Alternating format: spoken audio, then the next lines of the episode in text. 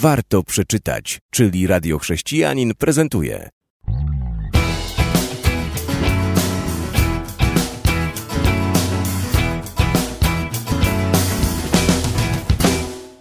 Witam w kolejnej audycji Warto przeczytać. Dzisiaj o książce Dlaczego w obronie życia? Podtytuł W trosce o nienarodzone dzieci i ich matki. Autor Randy Alcorn. Kiedy zaczyna się ludzkie życie? Żaden inny temat nie dzieli tak jak aborcja. Wielu uważa, że trzeba dokonać wyboru pomóc matce czy dziecku. Książka ta przedstawia, jak istotne jest pomóc obojgu z nich. W zwięzły, obrazowy sposób autor daje pełne empatii rzeczowe odpowiedzi na najważniejsze pytania w dyskusji o aborcji. W książce znajdziemy dział podstawy, dziecko, kobiety, pozostałe ważne kwestie i ostatni duchowa perspektywa i możliwości. Czasami zapoznanie się z tytułami rozdziałów książki już jakiś obraz daje nam zawartości. Więc ośmielę się przeczytać tylko tytuły wybranych rozdziałów. Dział dziecko. Czy nienarodzone dziecko jest rzeczywiście człowiekiem? Czy nienarodzone dziecko jest częścią ciała kobiety? W dziale kobiety możemy znaleźć odpowiedzi na pytania, między innymi, czy aborcja jest naprawdę kwestią praw kobiet? Czy aborcja jest jednym z praw do prywatności? Czy aborcja szkodzi fizycznemu i psychicznemu zdrowiu kobiety? Czy aborcja jest słuszną decyzją, kiedy ciąża jest konsekwencją gwałtu lub kazirodztwa? Kolejny dział, pozostałe ważne kwestie, to m.in. rozdział, czy aborcja zapobiega znęcaniu się nad dziećmi, jak i co z niepełnosprawnymi czy niechcianymi dziećmi. A w ostatnim dziale, duchowa perspektywa i możliwości, m.in. rozdział, czy Bóg może wybaczyć aborcję. I ostatni rozdział, jak mogę pomóc nienarodzonym dzieciom i ich matkom. Nie trzeba czytać ogromnych książek, aby zostać pobudzonym do myślenia i znaleźć co nieco dobrych treści. To wystarczy ta pozycja. A teraz e, rekomendacje tych, którzy przeczytali i zachęcają nas, abyśmy przeczytali książkę. Rabi Daniel Lapin. Ta przykuwająca uwagę pozycja łamie stereotypy i pomoże zaleczyć rany powstałe w najpilniejszym wewnętrznym konflikcie w Ameryce. Andy Stanley napisał frapujące przedstawienie najważniejszego zagadnienia naszego pokolenia. Nie mogłem oderwać się od tej książki.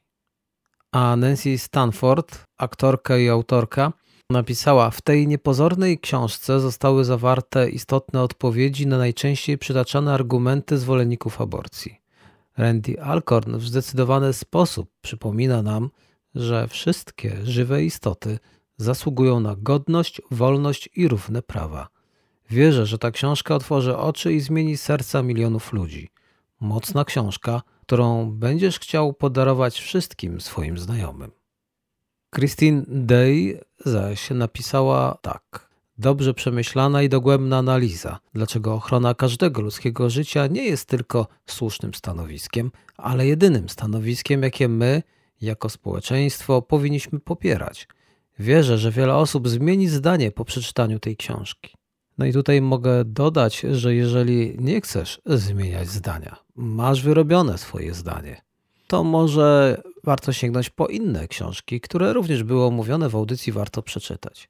Ale jeżeli chcesz jeszcze poznać, poszerzyć swoją wiedzę i jesteś otwarty na inne spojrzenie, to może warto po tą niewielką pozycję, która ma raptem 160 stron i niekoniecznie wielki format, sięgnąć.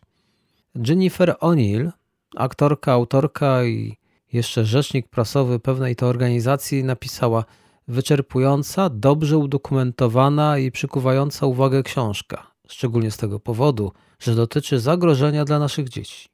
Na sam koniec chciałbym przytoczyć słowa prezesa Fundacji Eurohelp Tomasza Kmiecika. Dlaczego w obronie życia jest prawdopodobnie najbardziej trzeźwą i zrównoważoną pozycją książkową na temat aborcji na polskim rynku? To, co ją wyróżnia, to prawdziwa i szczera troska, nie tylko o dobro dziecka, ale i również matki. Randy Alcorn zabiera nas w emocjonującą podróż w kierunku transformacji i odnowienia umysłu, jakby od śmierci do życia.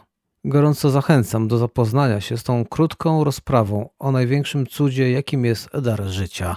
Kończę tymi słowami wstęp. Na zakończenie chciałbym przeczytać króciutki fragment. Każde dziecko jest chcianym dzieckiem. Słowo niechciane opisuje nie dziecko, ale podejście do dziecka niektórych dorosłych. Prawdziwym problemem nie są niechciane dzieci, ale niechcący ich dorośli. Chcenie jest prostym, subiektywnym i mogącym zmienić się uczuciem jednej osoby do drugiej. Niechciane dziecko jest prawdziwą osobą, bez względu na uczucia, jakie ktoś inny może mieć w stosunku do niego. Kiedyś określano wartość kobiety na podstawie tego, czy mężczyzna pragnął jej, czy nie. Wartość dziecka jest teraz określana tym, czy matka je chce, czy nie. Oba te osądy są tragicznie niesprawiedliwe. To tak pokrótce. Mogłem przybliżyć książkę. Za uwagę dziękuję.